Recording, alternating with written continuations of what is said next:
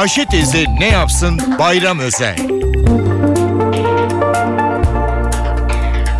Merhaba sayın dinleyenler, merhaba Ayşe Hanım teyze, merhaba Ali Rıza Bey amca.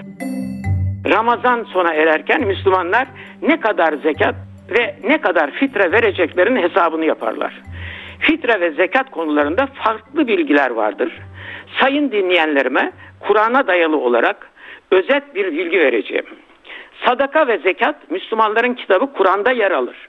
Kur'an'da 23 ayette sadakadan, 31 ayette zekattan söz edilir.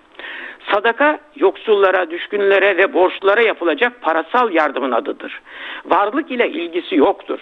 Zekat ise varlıktan her yıl gene yoksullara ve fakirlere yapılacak yardım miktarıdır. Kur'an'da sadaka ve zekat miktarının ne olacağı hakkında bir işaret yoktur.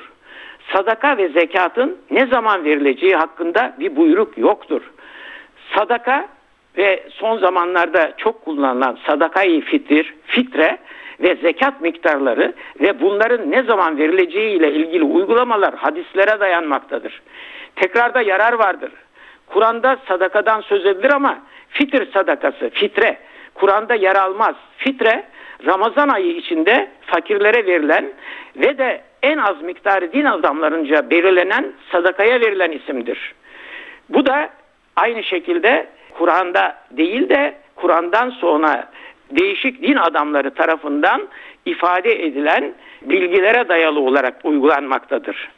Yoksulların ihtiyaçlarının giderilmesinde bayramı iyi geçirmeleri için bayramın birinci gününe kadar dağıtılması adetten olmuştur. Gelelim zekata. Kur'an'da zekat miktarının ne olacağı hakkında da bir buyruk yoktur.